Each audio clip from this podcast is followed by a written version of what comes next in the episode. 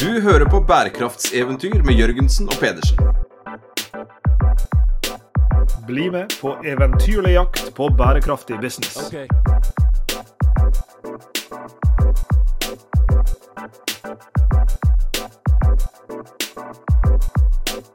I denne spesialepisoden av Bærekraftseventyr Sveinung, så eh, sitter vi heldigvis fortsatt i baren. og Sitter vi her lenge nok, så åpner de serveringa også.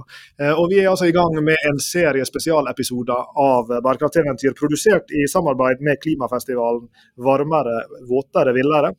Eh, Og vi er veldig glad for nå å ha med oss en av bidragsyterne til, eh, som skal på programmet og snakke bl.a. om klimasøksmål. Jeg snakker da om Sigrid Eskeland Skyts, som er professor ved Det juridiske fakultet på Universitetet i Bergen. Velkommen til oss, Sigrid. Tusen takk. Veldig kjekt å se hvordan en podkast ser ut på innsida. Ja, her, her ser du hvordan pølsa blir lagd, for å si det sånn. Eh, Lars Jakob, du imponerer jo her, da. For når, når jeg leser her, så leser jeg vitterlig Eskeland. Ja, men du er sånn der, det, det er sånn der urbant fenomen. Det heter selvfølgelig Eskeland, hvis du går tilbake igjen til røttene. Tilbake til røttene. Og det er norske røtter. Eskeland. Ja, det er Stord. En gard på Stord. Og vi har vært på løpetur vi på Stord, Sverre. Ja. Og du har spist Vitjuboller til den store gullmedaljen. Eventyrskogen på, på, på Sommarøya Stord. Der, der trives vi veldig godt. Eh, Men juss, det har vi ikke så veldig peiling på, Lars Jakob. Vi, vi møter jo mange jurister i ulike sammenhenger, og vi opplever ofte at de har et litt annet språk og tilnærming og, og, tilfører annen type kunnskap enn det vi har. Og det er mange ting vi er eh, nysgjerrig på. Så hvis jeg skal få lov til å prøve meg et sånt første spørsmål, da. Eh, Hvorfor trenger vi jussen i klimakampen? Eh, vi trenger jussen fordi at juss er jo i alt i samfunnet. Nesten. Bortsett fra når du går på fotballtrening, så er det ikke rettsregler som regulerer eh, hvem som skal få være med på laget, for å si det sånn. Men ellers er jo rettslige skrevne eller uskrevne regler eh, nærmest overalt i samfunnet. Og når vi særlig da skal styre gjennom statlig styring en endring til et fornybarsamfunn, så trenger vi en del rettsregler for å statlig styre de endringene. For det skjer ikke nødvendigvis av seg selv. Så jussen begynner der hvor de statlige reguleringene begynner. For Lars Jakob han dømte jo jenter 13-kamp i går i, i, i, fotball. Og du måtte vel forholde deg til noen regler da, måtte du ikke det, Lars Jakob? Jeg måtte det. Jeg kjørte til og med en VAR og annullerte forsinka et mål for offside når vi fikk vite fra tribunene at jo, det var en klar offside. Men det var vel ikke rettslig regulert, selv om det var mange strenge foreldre der som gjerne ville finne fram både paragrafer og, og, og andre ting. Men er dette noe nytt, Sigrid, det at jussen Altså, Jussen er selvfølgelig ikke ny, og, og, og, anvendelsen på alle mulige slags områder, men det at han nå eksplisitt brukes inn i klimarelaterte problemstillinger, er det noe som er nytt? Eller har disse lovene og reguleringene alltid vært der, og så er det bare det at de blir mer aktuelle nå når klimaproblemet blir mer presserende? De har alltid vært der. Vi har fra gammelt av hatt ulovfesta naborett i Norge, som har regulert f.eks. For forholdet mellom naboer og spørsmål om forurensning. Sånn, som når vi fikk industrialisering av Norge, så kom de ulovfesta naboreglene til, til, anvendelse. Og det er egentlig de ulovfesta erstatningsreglene ansvarsreglene vi nå ser i, i en god del klimasøksmål. Men så mye annet så kommer jo dette fra USA. Eh, 1970, Clean, Clean, Air Act, som var en eh, lovregulering fra sentrale myndigheter på forurensning. Og så kom det eh, senere spørsmål om denne type lovgivning på forurensning kunne brukes på, på klimagasser. Og da sa amerikansk høyesterett ja. Og det var på en måte en eh, brekkstang for å bruke eh, den type lovgivning og erstatningsregler på klimaet. Er altså, er det noe du ofte ser i jussen, at, at du har en lovgivning som på en måte er blitt laga i en kontekst i en tid for ett formål, og så endrer verden seg og problembildet endrer seg, men så velger en da heller enn å utforme ny lovgivning, så heller kan det tilpasse eller anvende den lovgivninga som allerede er der på disse utvikla, eller utviklinga i disse problem, problemene? Absolutt. sånn at det er ikke noe eh, genuin klimarett. Det er de gamle rettsinstituttene som vi ser blir brukt i nye sammenhenger. Det er menneskerettighetene, og det er erstatningsreglene. Erstatningsreglene ble jo brukt på røykskader, altså de som de amerikanske røykskadesakene erstatning der, som var da en slags nyvinning, og, og nå da på klima.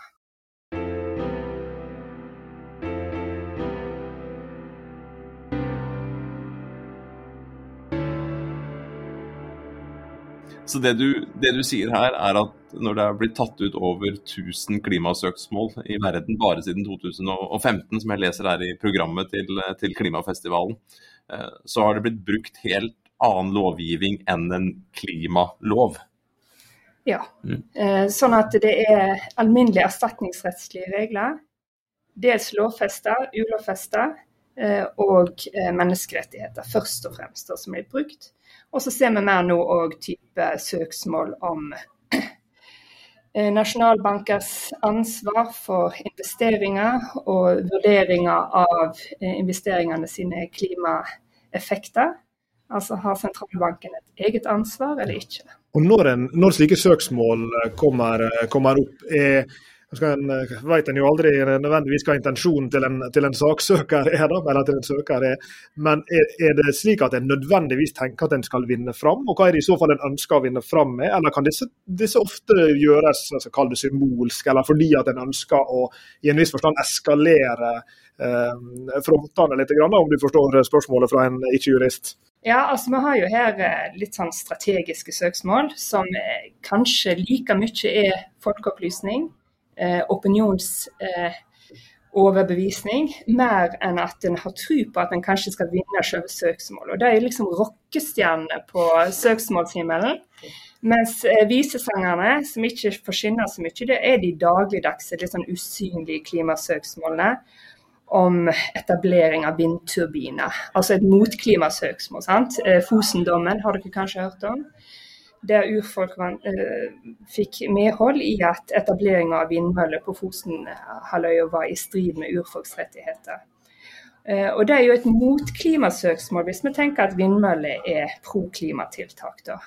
Så disse arealplansøksmålene, hvilket område skal vi sette av til Skal vi hogge ned en skog for å etablere industri? Ja, så det er et antiklimasøksmål. Uh, for å si det sånn.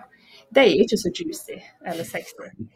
Eh, så de strategiske søksmålene de liksom designer søksmålene mot myndighetene og myndighetene sin manglende tiltak for klima. Manglende ambisjoner på klimafeltet. Det er jo de som virkelig får oppslag og blir designa, og blir designa med en mediestrategi. Eh, hvem skal være saksøker? Skal vi få med eh, barn? barn fra utviklingsland, funksjonshemma, urfolk.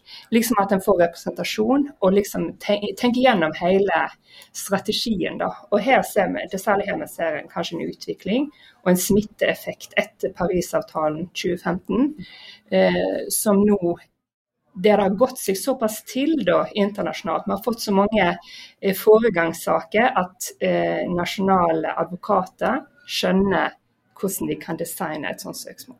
Har det noe effekt? Ja, det har jo effekt. Ja, Fortell. Eh, da spørs det hva mener du med effekt? Ja, jeg tenker Hvis Tyskland da har tapt en, en, et, et sånt klimasøksmål, hva må Tyskland gjøre? Hvem er det som blir sinte på Tyskland hvis de ikke gjør det? på en måte? ja, nei, Her eh, krever det jo gjennomføring. sant? Ja. Så Hvis Tyskland da taper, eh, eller Urgenda-søksmålet Den nederlandske stat hadde ikke nok ambisiøse klimamål. Og domstolen sa at dere må være raskere og mer ambisiøse. Og så fulgte en jo opp da, hva ble gjort. Hvilke tiltaksplaner lager en for å nå de målene. Og det ble jo en hestekur, eh, der en på kort varsel måtte stenge ned en god del nasjonal industri eh, fordi en ikke gjorde nok i tide. Så da var effekten av klimasøksmålet eh, som slo inn for fullt. Og da fulgte en jo opp da, det som saksøkerne, sant? at dette som en vant fram med, faktisk ble gjort. Jeg elsker denne, dette skillet ditt mellom rockestjerne og visesanger-søksmålet her. Og, og kanskje en slik rockestjerne da ville vært et uh, famøs uh, denne famøse dommen i, i, også i Nederland. Eh, Michelle som måtte kutte klimautslippene sine med 45 innen 2030. Og, og, jeg leser her eh, mens vi snakker at det var jo bl.a. NGO Friends of the Earth, seks andre miljøorganisasjoner, og også 17 000 privatpersoner som sto, sto bak dette. her. og Det er vel også et godt eksempel på en, på en måte, altså absolutt veldig konkret og veldig sånn actionable vedtak. da. Ikke bare får en medhold i at her har ikke Shell gjort det de burde, men de skal altså kutte 45% av, av disse utslippene. Og for oss som er opptatt av dette kallet bedriftsblikket, så er det snakk om også 45% av såkalte scope 3-utslipp. Så dette er jo fryktelig krevende grep som skal til. Og det er jo en, en røff virkelighet for Shell å våkne opp til. Og det er vel det første søksmålet av den typen som har vunnet fram, så vidt jeg vet, mot en privat bedrift. Eh, og det er vel ikke avgjort i øverste myndighet Eller det er vel ikke gått oppover i systemet ennå, så vidt jeg vet. Dette var første instans. Så her snakker vi både land og bedrifter. Eh, er det sånn at privatpersoner også plutselig kan bli på klimasøksmål mot seg? Ja, og det, det vi ser nå er jo mer kreativitet, mer bredde i søksmålene mer aktører som blir blanda inn. Og der er jo privatpersoner òg. sant.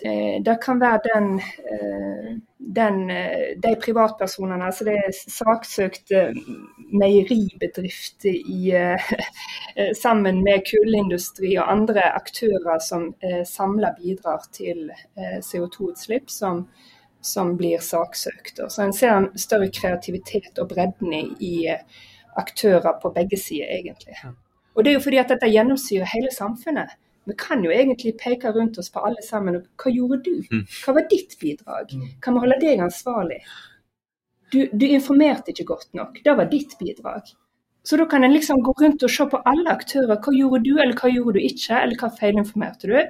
Eh, og så begynne å fordele og bryte ned ansvar. Og Det er jo da en ser forskninga gå videre på her. sant? At vi ser de eh, kalkulere ut de store selskapene hvor mye har de produsert gjennom hele sin eh, levetid? Skåp 1, 2, 3. Hva, de, eh, hva er deres relative andel av det globale karbonbudsjettet? Og så bryter den ned i tall. Og da blir den relative andelen proporsjonal med det relative skadeansvaret de får.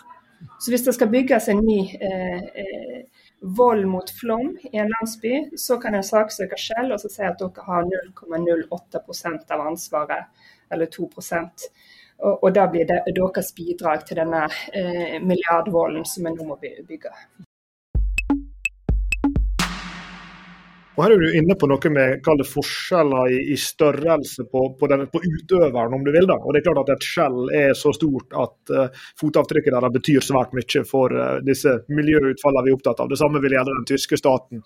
Hvis vi tenker på uh, noe sånt som, og nå igjen alle forbehold om at jeg er langt fra noen jurist, men jeg går ut ifra at du ikke vil slippe unna arbeidsmiljøloven, selv om du er en bitte liten bedrift med en ansatt. Han gjelder likevel. Vil du se det samme med disse typene klimasøksmål, eller mer generelt disse, denne lovgivninga som, som, regulerer dette? Eller er han på en måte skrudd sammen på en slik måte at han, at han særlig treffer disse store aktørene som har store fotavtrykk osv.? Hvis vi ser på de ulovfesta erstatningsreglene, så skiller jo ikke de mellom store og små. Det er det uh, andelen, ditt bidrag, da. Så eh, Sånn sett så kan vi tenke oss nå at vi får en mer bredde i eh, hvem som blir saksøkt. At alle må ta sin eh, andel. Etter hvert som vi kanskje Det er jo naturlig å gå på de store aktørene som bidrar mest først, fordi at deres endring i politikk og holdninger vil bety mest. da. Men deretter så kan en bare begynne å, plukke. Skjer det innovasjon i i jussen? Altså, du sier at her blir det ofte brukt, eller det blir brukt uh, gamle regler som egentlig var ment for noe annet. Skjer det også en utvikling i det globale rettssystemet her, hvor det også fanges opp uh, og moderniseres på et vis? Absolutt. Så det er på en måte å forstå de gamle reglene i lys av de nye utfordringene. Og Det som er utfordringen med klima, er jo særlig at det er mange bidragsytere globalt. Effekten sprer seg, altså et eh, molekyl av karbondioksid, kan du jo ikke spore hvem sitt molekyl var da, eh, hvem var årsaken. Så det sprer seg. Eh, og eh, det lange tidsløp, altså effekten, skaden, den skjer kanskje ikke i første generasjon, men i andre. Og her er jo ikke jussen så veldig treffsikker, fordi at med, i erstatningsretten så er det lettere den skaden jeg gjorde på din hage når jeg oversvømte den med å bruke min hageslange. Sant? Altså det blir veldig sånn konkret i tid og veldig sånn eh, nært. Det er de enkle sakene. Og så blir det mange aktører, store tidsflater, globalt. Eh, litt som plastproblematikken, egentlig. Det sprer seg med vann. Altså mikroplast, har dere sikkert mm. eh? Det er litt den samme utfordringa. Eh, det blir pulverisert, det sprer seg. Går ikke an å spore de enkelte partiklene, hvem som har bidratt.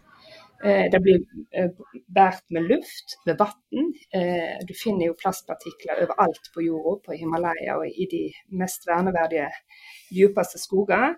Så det, det er vanskelig å bruke jussen på disse faktiske forholdene før du på en måte får naturvitenskapen som kan bidra, og økonomene som kan bidra til å bryte det opp i ansvars- og årsaksrekker. Ja, så Det betyr at etter hvert som en får bedre data, f.eks. Etter hvert som en forstår bedre bedrift X sin påvirkning på ditt utfallet, både direkte og indirekte. Så, så dere er på mange måter avhengig av andre fagområder som eh, i en viss forstand mater dere med, med råstoffet som dere trenger for at reglene skal kunne komme til anvendelse. Absolutt. Sant? Så Det er derfor vi ser alle disse ekspertene sitte og gi vitnemål i domstolen.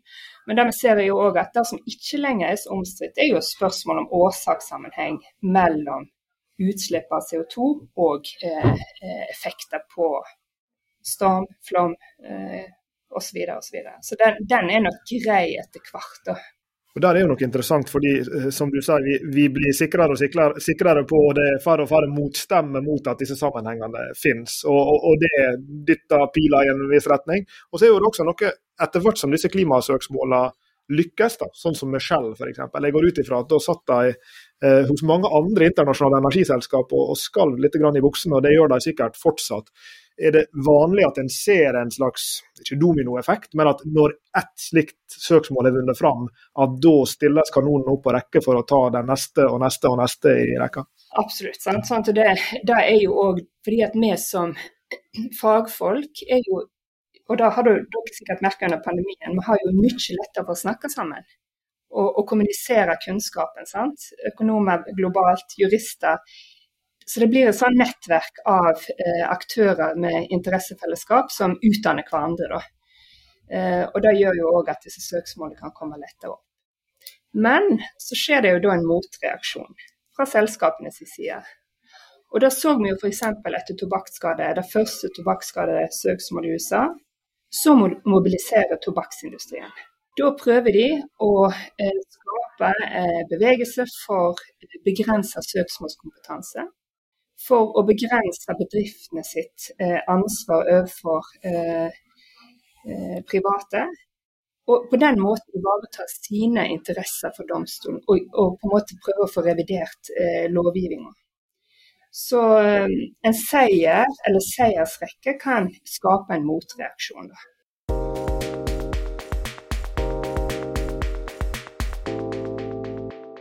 Jeg tenker på det litt som å dytte kaviaren inn igjen på tuba. så er det nær sagt, hva, hva, er det som i så fall gjør at den typen mottrekk Eh, vinner fram? Er det fordi f.eks. For at de kan legge så mye penger bak dette her med dyre advokater at det blir for kostbart å kjøre denne typen søksmål, eller er det, er det andre grunner som gjør at dette kan på en måte bremse den utviklinga, som jeg ville tenke at det ene tok det andre når det første søksmålet hadde vunnet fram? Mottrekkene kommer jo selvsagt fra de eh, industriene som har kapital til å eh, hevde sine interesser. Og så må vi jo tenke at iblant så er det jo legitim interesse eh, industrien prøver å beskytte.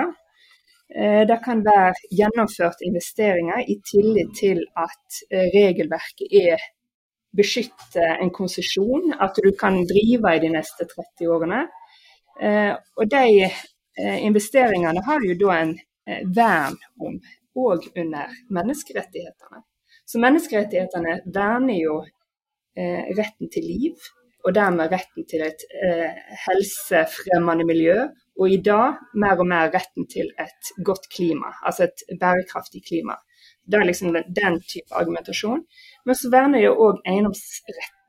Og eiendomsvernet betyr òg vern om etablerte konsesjoner, investeringer. Eh, en kuriositet er f.eks. at etter Sovjetunionen gikk i oppløsning, så for å beskytte investeringer i eh, ikke-fornybar i de tidligere sovjetstatene, så inngikk en et Energy Charter Treaty, en avtale, i 1994, der EU bl.a. er med.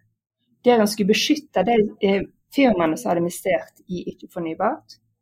Og dette har medført at en har fått utbetalinger eh, til disse firmaene som har investert, som følge av at de blir pålagt å stenge ned.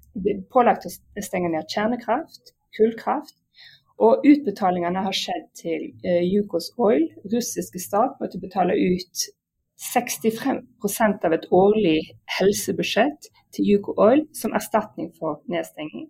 Vatten, svenske Vattenfall har fått eh, milliardbeløp i erstatning. Eh, den franske stat tørte ikke å gjennomføre klimaregulering i frykt for denne type erstatningssøksmål. Nå har den avtalen vært omstridt, og EU-domstolen har sagt nå at en kan ikke drive og avgjøre spørsmål mellom EU-stater eh, i eh, et tribunal under eh, charteret. Dette er EU-domstolen sitt myndighet. Så det skjer utvikling der òg. Men det viser jo at du har rettssystem og rett, grunnleggende rettigheter som verner om etablerte investeringer. Og det, Sånn må det jo være. Ingen vil jo mm. investere hvis en ikke får sikkerhet for vern om investeringene. Men på den annen side, hvis en da prøver å ta tilbake rettigheter før konsesjonstiden går ut osv., så, videre, så kan det trigge erstatning. Så det var noen allerede da som skjønte at dette ville være smart for dem? Var de forutseende da, og så, og så påvirket de myndigheter til å lage disse reglene? Eh, det var nok for å sikre eh, investeringene og sikre fortsatt investering i eh, de tidligere sovjetstatene.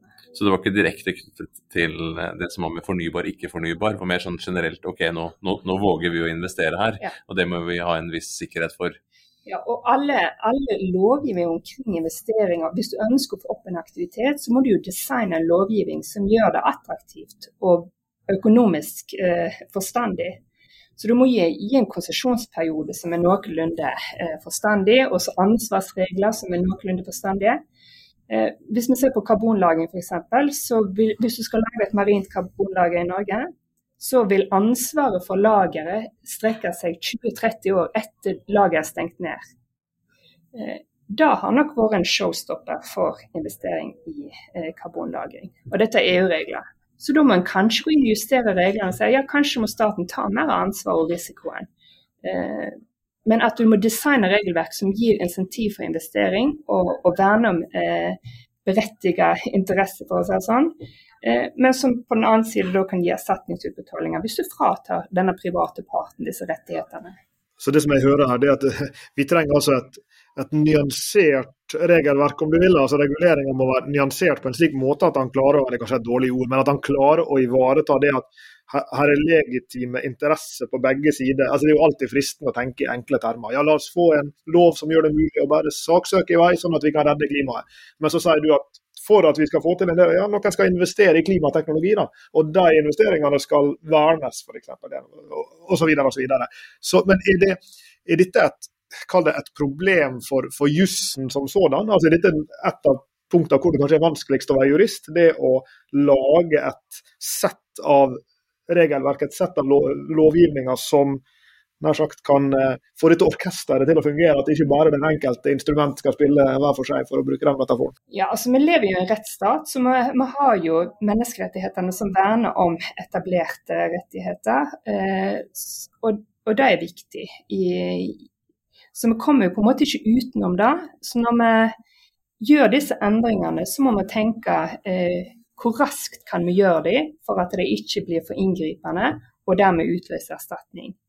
Eh, så Derfor er det jo fint om vi klarer å på en måte være tidlig ute og si at denne industrien skal stenge ned om eh, fem år, ti år, sånn at de eh, får tid til å områ seg, skape forutberegnelighet.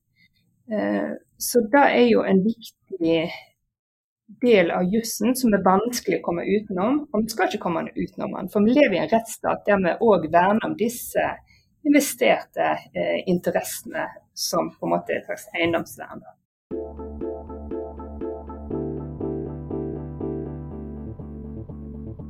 Du nevnte menneskerettigheter, og jeg husker fra barneskolen liksom på 80-tallet så var det sånn menneskerettighetsdag med FN, og alle barn har rett til ditt og datt og opp og ned. ikke sant? Mye sånne fine ting.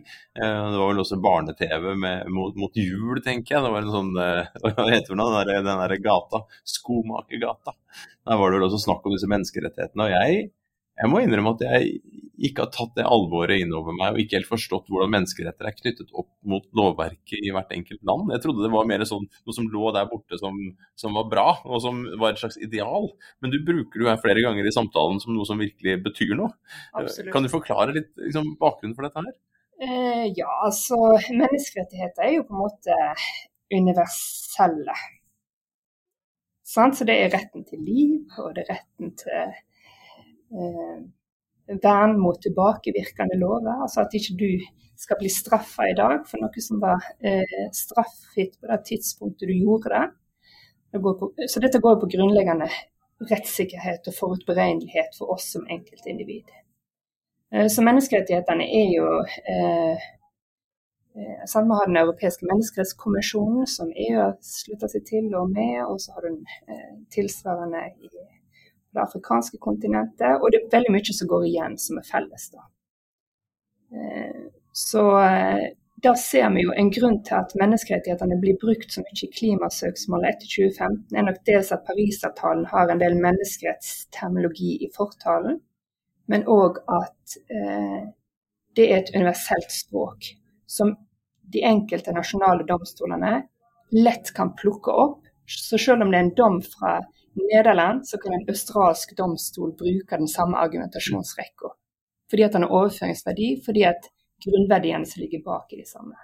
Men når det blir påstått da at mennesker i Kina f.eks. blir utsatt for menneskerettighetsbrudd, eh, hvordan er forholdet da mellom disse menneskerettighetene og, kinesisk lov f.eks.? Er det, er de, er, er det jeg, jeg, spør kanskje fryktelig naivt, bare, hvordan, hvordan henger de sammen? Nå er ikke jeg noen menneskerettsekspert. Ja, du vet mer enn meg, det er jeg helt sikker på. Jeg var på seminar i Kina, og da snakket vi om uh, rule of law, mens kineserne snakket om rule by law. Mhm. Jeg tror ikke jeg skal gå nærmere inn på nyansene her, og det er ikke mitt eh, gebet heller. Altså, men, uh... men, i forlengelsen av det her, Sigrid. Jeg, jeg, hadde gleden av å sitte i dette såkalte etikkinformasjonsutvalget som, uh, som utformer den uh, nye åpenhetsloven som går live i disse dager går live. Det er forresten en juridisk term som er der. Den loven går vel live nå, gjør den ikke men, eh, men, en av kalde funksjonene til, til, denne loven eh, er jo som det står skrevet at han skal fremme virksomheten sin respekt for grunnleggende menneskerettigheter og anstendige arbeidsforhold i leverandørkjeden. Og Slik sett kan jo du tenke på han da nesten som et uh, jeg skal fortsette med, med språkdrakten min, som en slags add-on. Altså, på toppen av at vi har noen menneskerettigheter som, som ligger fast der, og vi har, andre, eh, vi har annen lovregulering som du sier, som, som eh, støtter opp under det, så kommer det altså da en ny lov da, som skal eh, sørge for at virksomheter, store virksomheter som har komplekse leverandørkjeder, gjennomfører due diligence-prosesser, slik som OECD anbefaler at de skal gjøre, for å sørge for at de avdekker eventuelle risikoer og dermed kan ta grep for å redusere den risikoen for at menneskerettighetsbrudd skjer. Eh, det var min lille fortolkning. da. Eh, er det grunn, Sveinung snakka om innovasjon i, i jussen i stad. Tror du at vi vil komme til å se mange flere slike lover komme nå? altså som, som, forsøker å på en måte videre regulere de mange fasettene av både dette som har med klima eh, å gjøre, og også slik det forholder seg til menneskerettighetene? Eh, ja, eh, kanskje. Det er ikke så vi ser jo på en måte at det skjedde en eksplosjon i forståelsen av hva som er et menneskerettighetsspørsmål. Sant? Altså Det begynte jo liksom med tortur og ulovlig fengsling. Og så har vi nå eh, enormt med saker for Den europeiske menneskerettsdomstolen som egentlig rører ved alle aspekter i samfunnet. Det var en overskrift en gang i en kronikk i avisen også vi campingvogneiere har visse menneskerettigheter. Og det er jo klart, men er jo, spørsmålet er jo hvor stopper det. Og jeg tror vi kommer til å se den samme innovasjonen. Klima berører veldig mange samfunnssektorer, og det er relevant og saklig argument. Trenger vi det i loven for at det skal være relevant og saklig? Mitt standpunkt er nei. Dette er grunnlovfesta.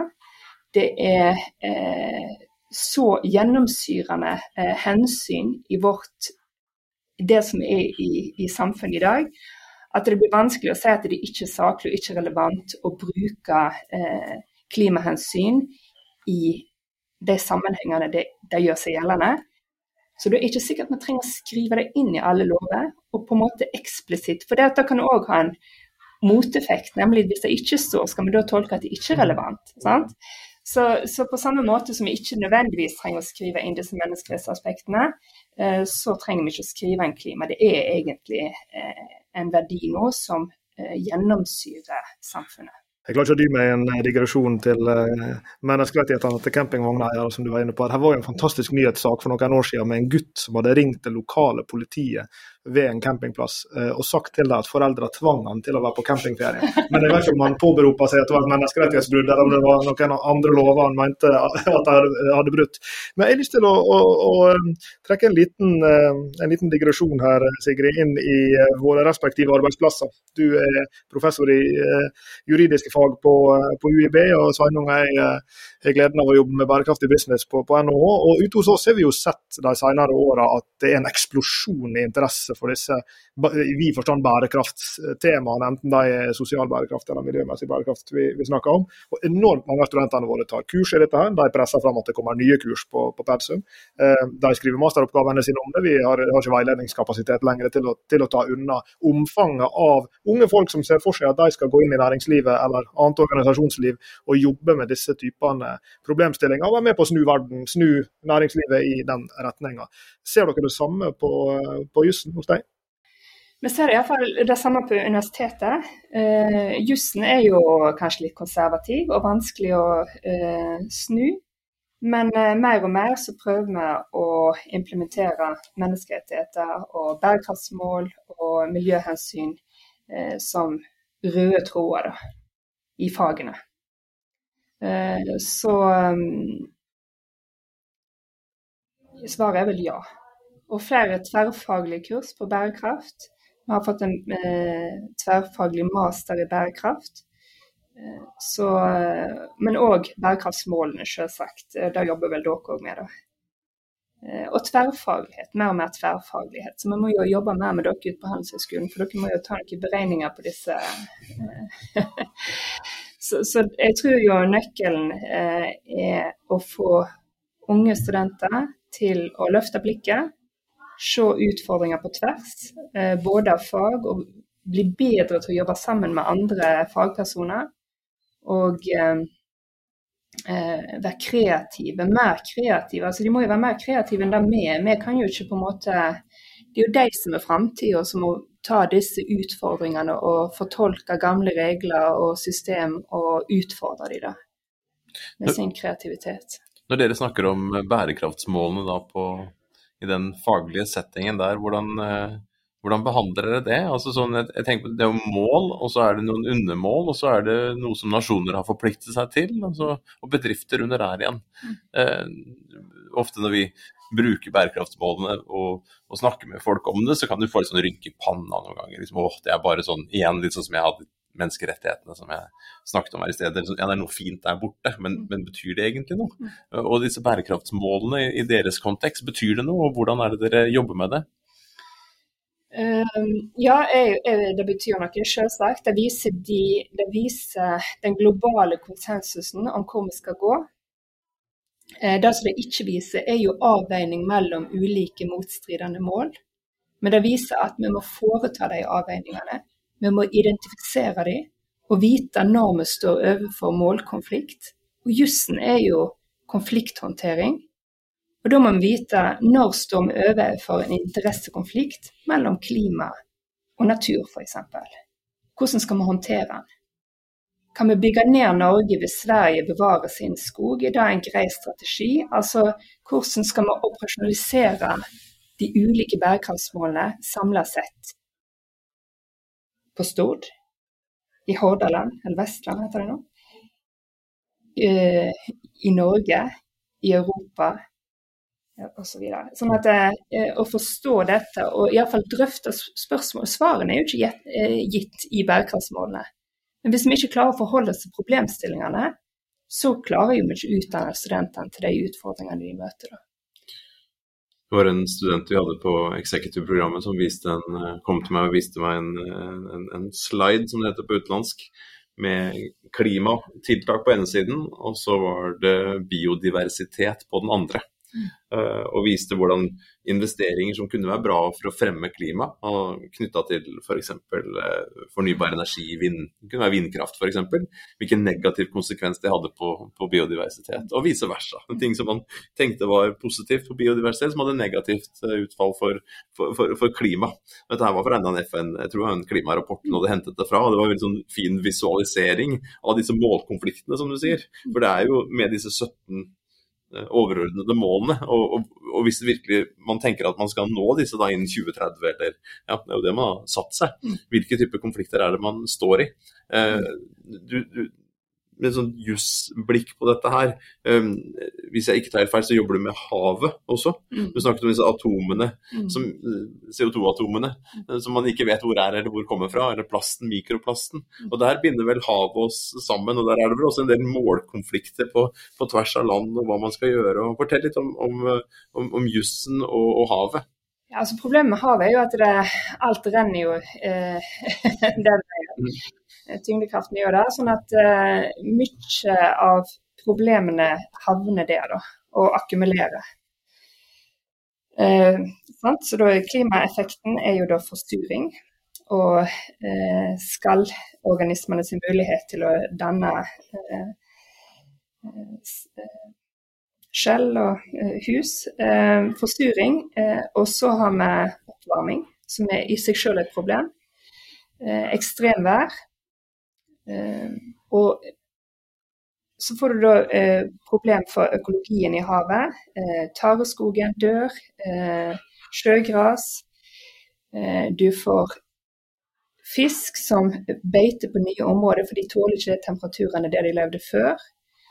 Eh, så får du avrenning fra land med plast og med kjemikalier, hormon. Altså alle p-piller går jo rett gjennom systemet og ut i havet så, eh, kjemikalisk, kjemisk påvirkning. Eh, ja, alt dette kumulerer, da. Eh, og du kan nå et vippepunkt. Og det ser vi jo i fjordøkosystemet i Oslofjorden nå, som da har kollapsa. Og hva er årsaken? Ja, det er at en valgte å ikke rense urin eh, i kloakkrenseanleggene som går til Oslofjorden. For dette tenker jeg, dette er jo et naturlig forekommende stoff. Og, ja. så, så, eh, så, havet blir jo da liksom endestasjonen for veldig mange problemer. Eh, som vi ikke ser, for vi ser den blå havoverflaten, og så tenker vi at her er det eh, fine greier. Så vi begynte jo samtalen å snakke om disse klimasøksmålene. Vil vi også kunne se av søksmål etter hvert, eller har vi også begynt å se det? Eh, jeg tror ikke vi har begynt å se det, men vi kommer til å se eh, søksmål på plast, tenker jeg. Og det kommer til å følge akkurat samme argumentasjonslinje som eh, klima. Der en må prøve å bryte ned hvor stor har denne produsenten av plastprodukt vært, og hva grad har en hatt kontroll på sine avfallsstrømmer. Produsenter av engangsemballasje. Og Da må en gå tilbake og se på tellinga der en samler inn plass, og så identifisere en 20% kommer fra fiskerisektoren, 15% kommer fra osv. Så, videre, og så, så da kan en på samme måte som klima begynne å bryte opp problemet og håndtere det. Angripe de store aktørene først, og statene. Og Der finnes lister over topp ti største plastproblemene. Ja. Så det er, det er kjente øvelser, men vi har ikke begynt å se dem ennå men det kan komme. For hvem er, være, hvem er, det som bør være redd framover, sitter jeg og tenker på. Jeg har en sånn favoritt-TV-serie, Better Call Saul, en sånn advokat. Hvis du har lik i skapet, så, så bør du ringe han ganske kjapt for, å bli, for, for, å bli kvitt det. En eh, spin-off, for å bruke et engelsk uttrykk her, fra, fra, Breaking Bad, han fantastiske high school-læreren som uh, lagde crack cocaine uh, hjemme. og Han trengte Saul innimellom for å hjelpe han ut av diverse kniper. Um, og hvem er det som på en måte burde sitte der, altså, som har litt lik i skapene, som kan begynne å falle ut fremover i ulike næringer. Jeg spurte deg i stad også, vil dette her kunne også skje individuelt? Her det, står jeg i fare, med andre ord, for å bli saksøkt av, av noen og, og, stå til ansvar og betale for min skjerv, eh, og, og, oppover mot nasjoner og, og ned igjen mot, mot, disse store bedriftene i nasjonene? ja, nei, altså Hvis vi ser på f.eks.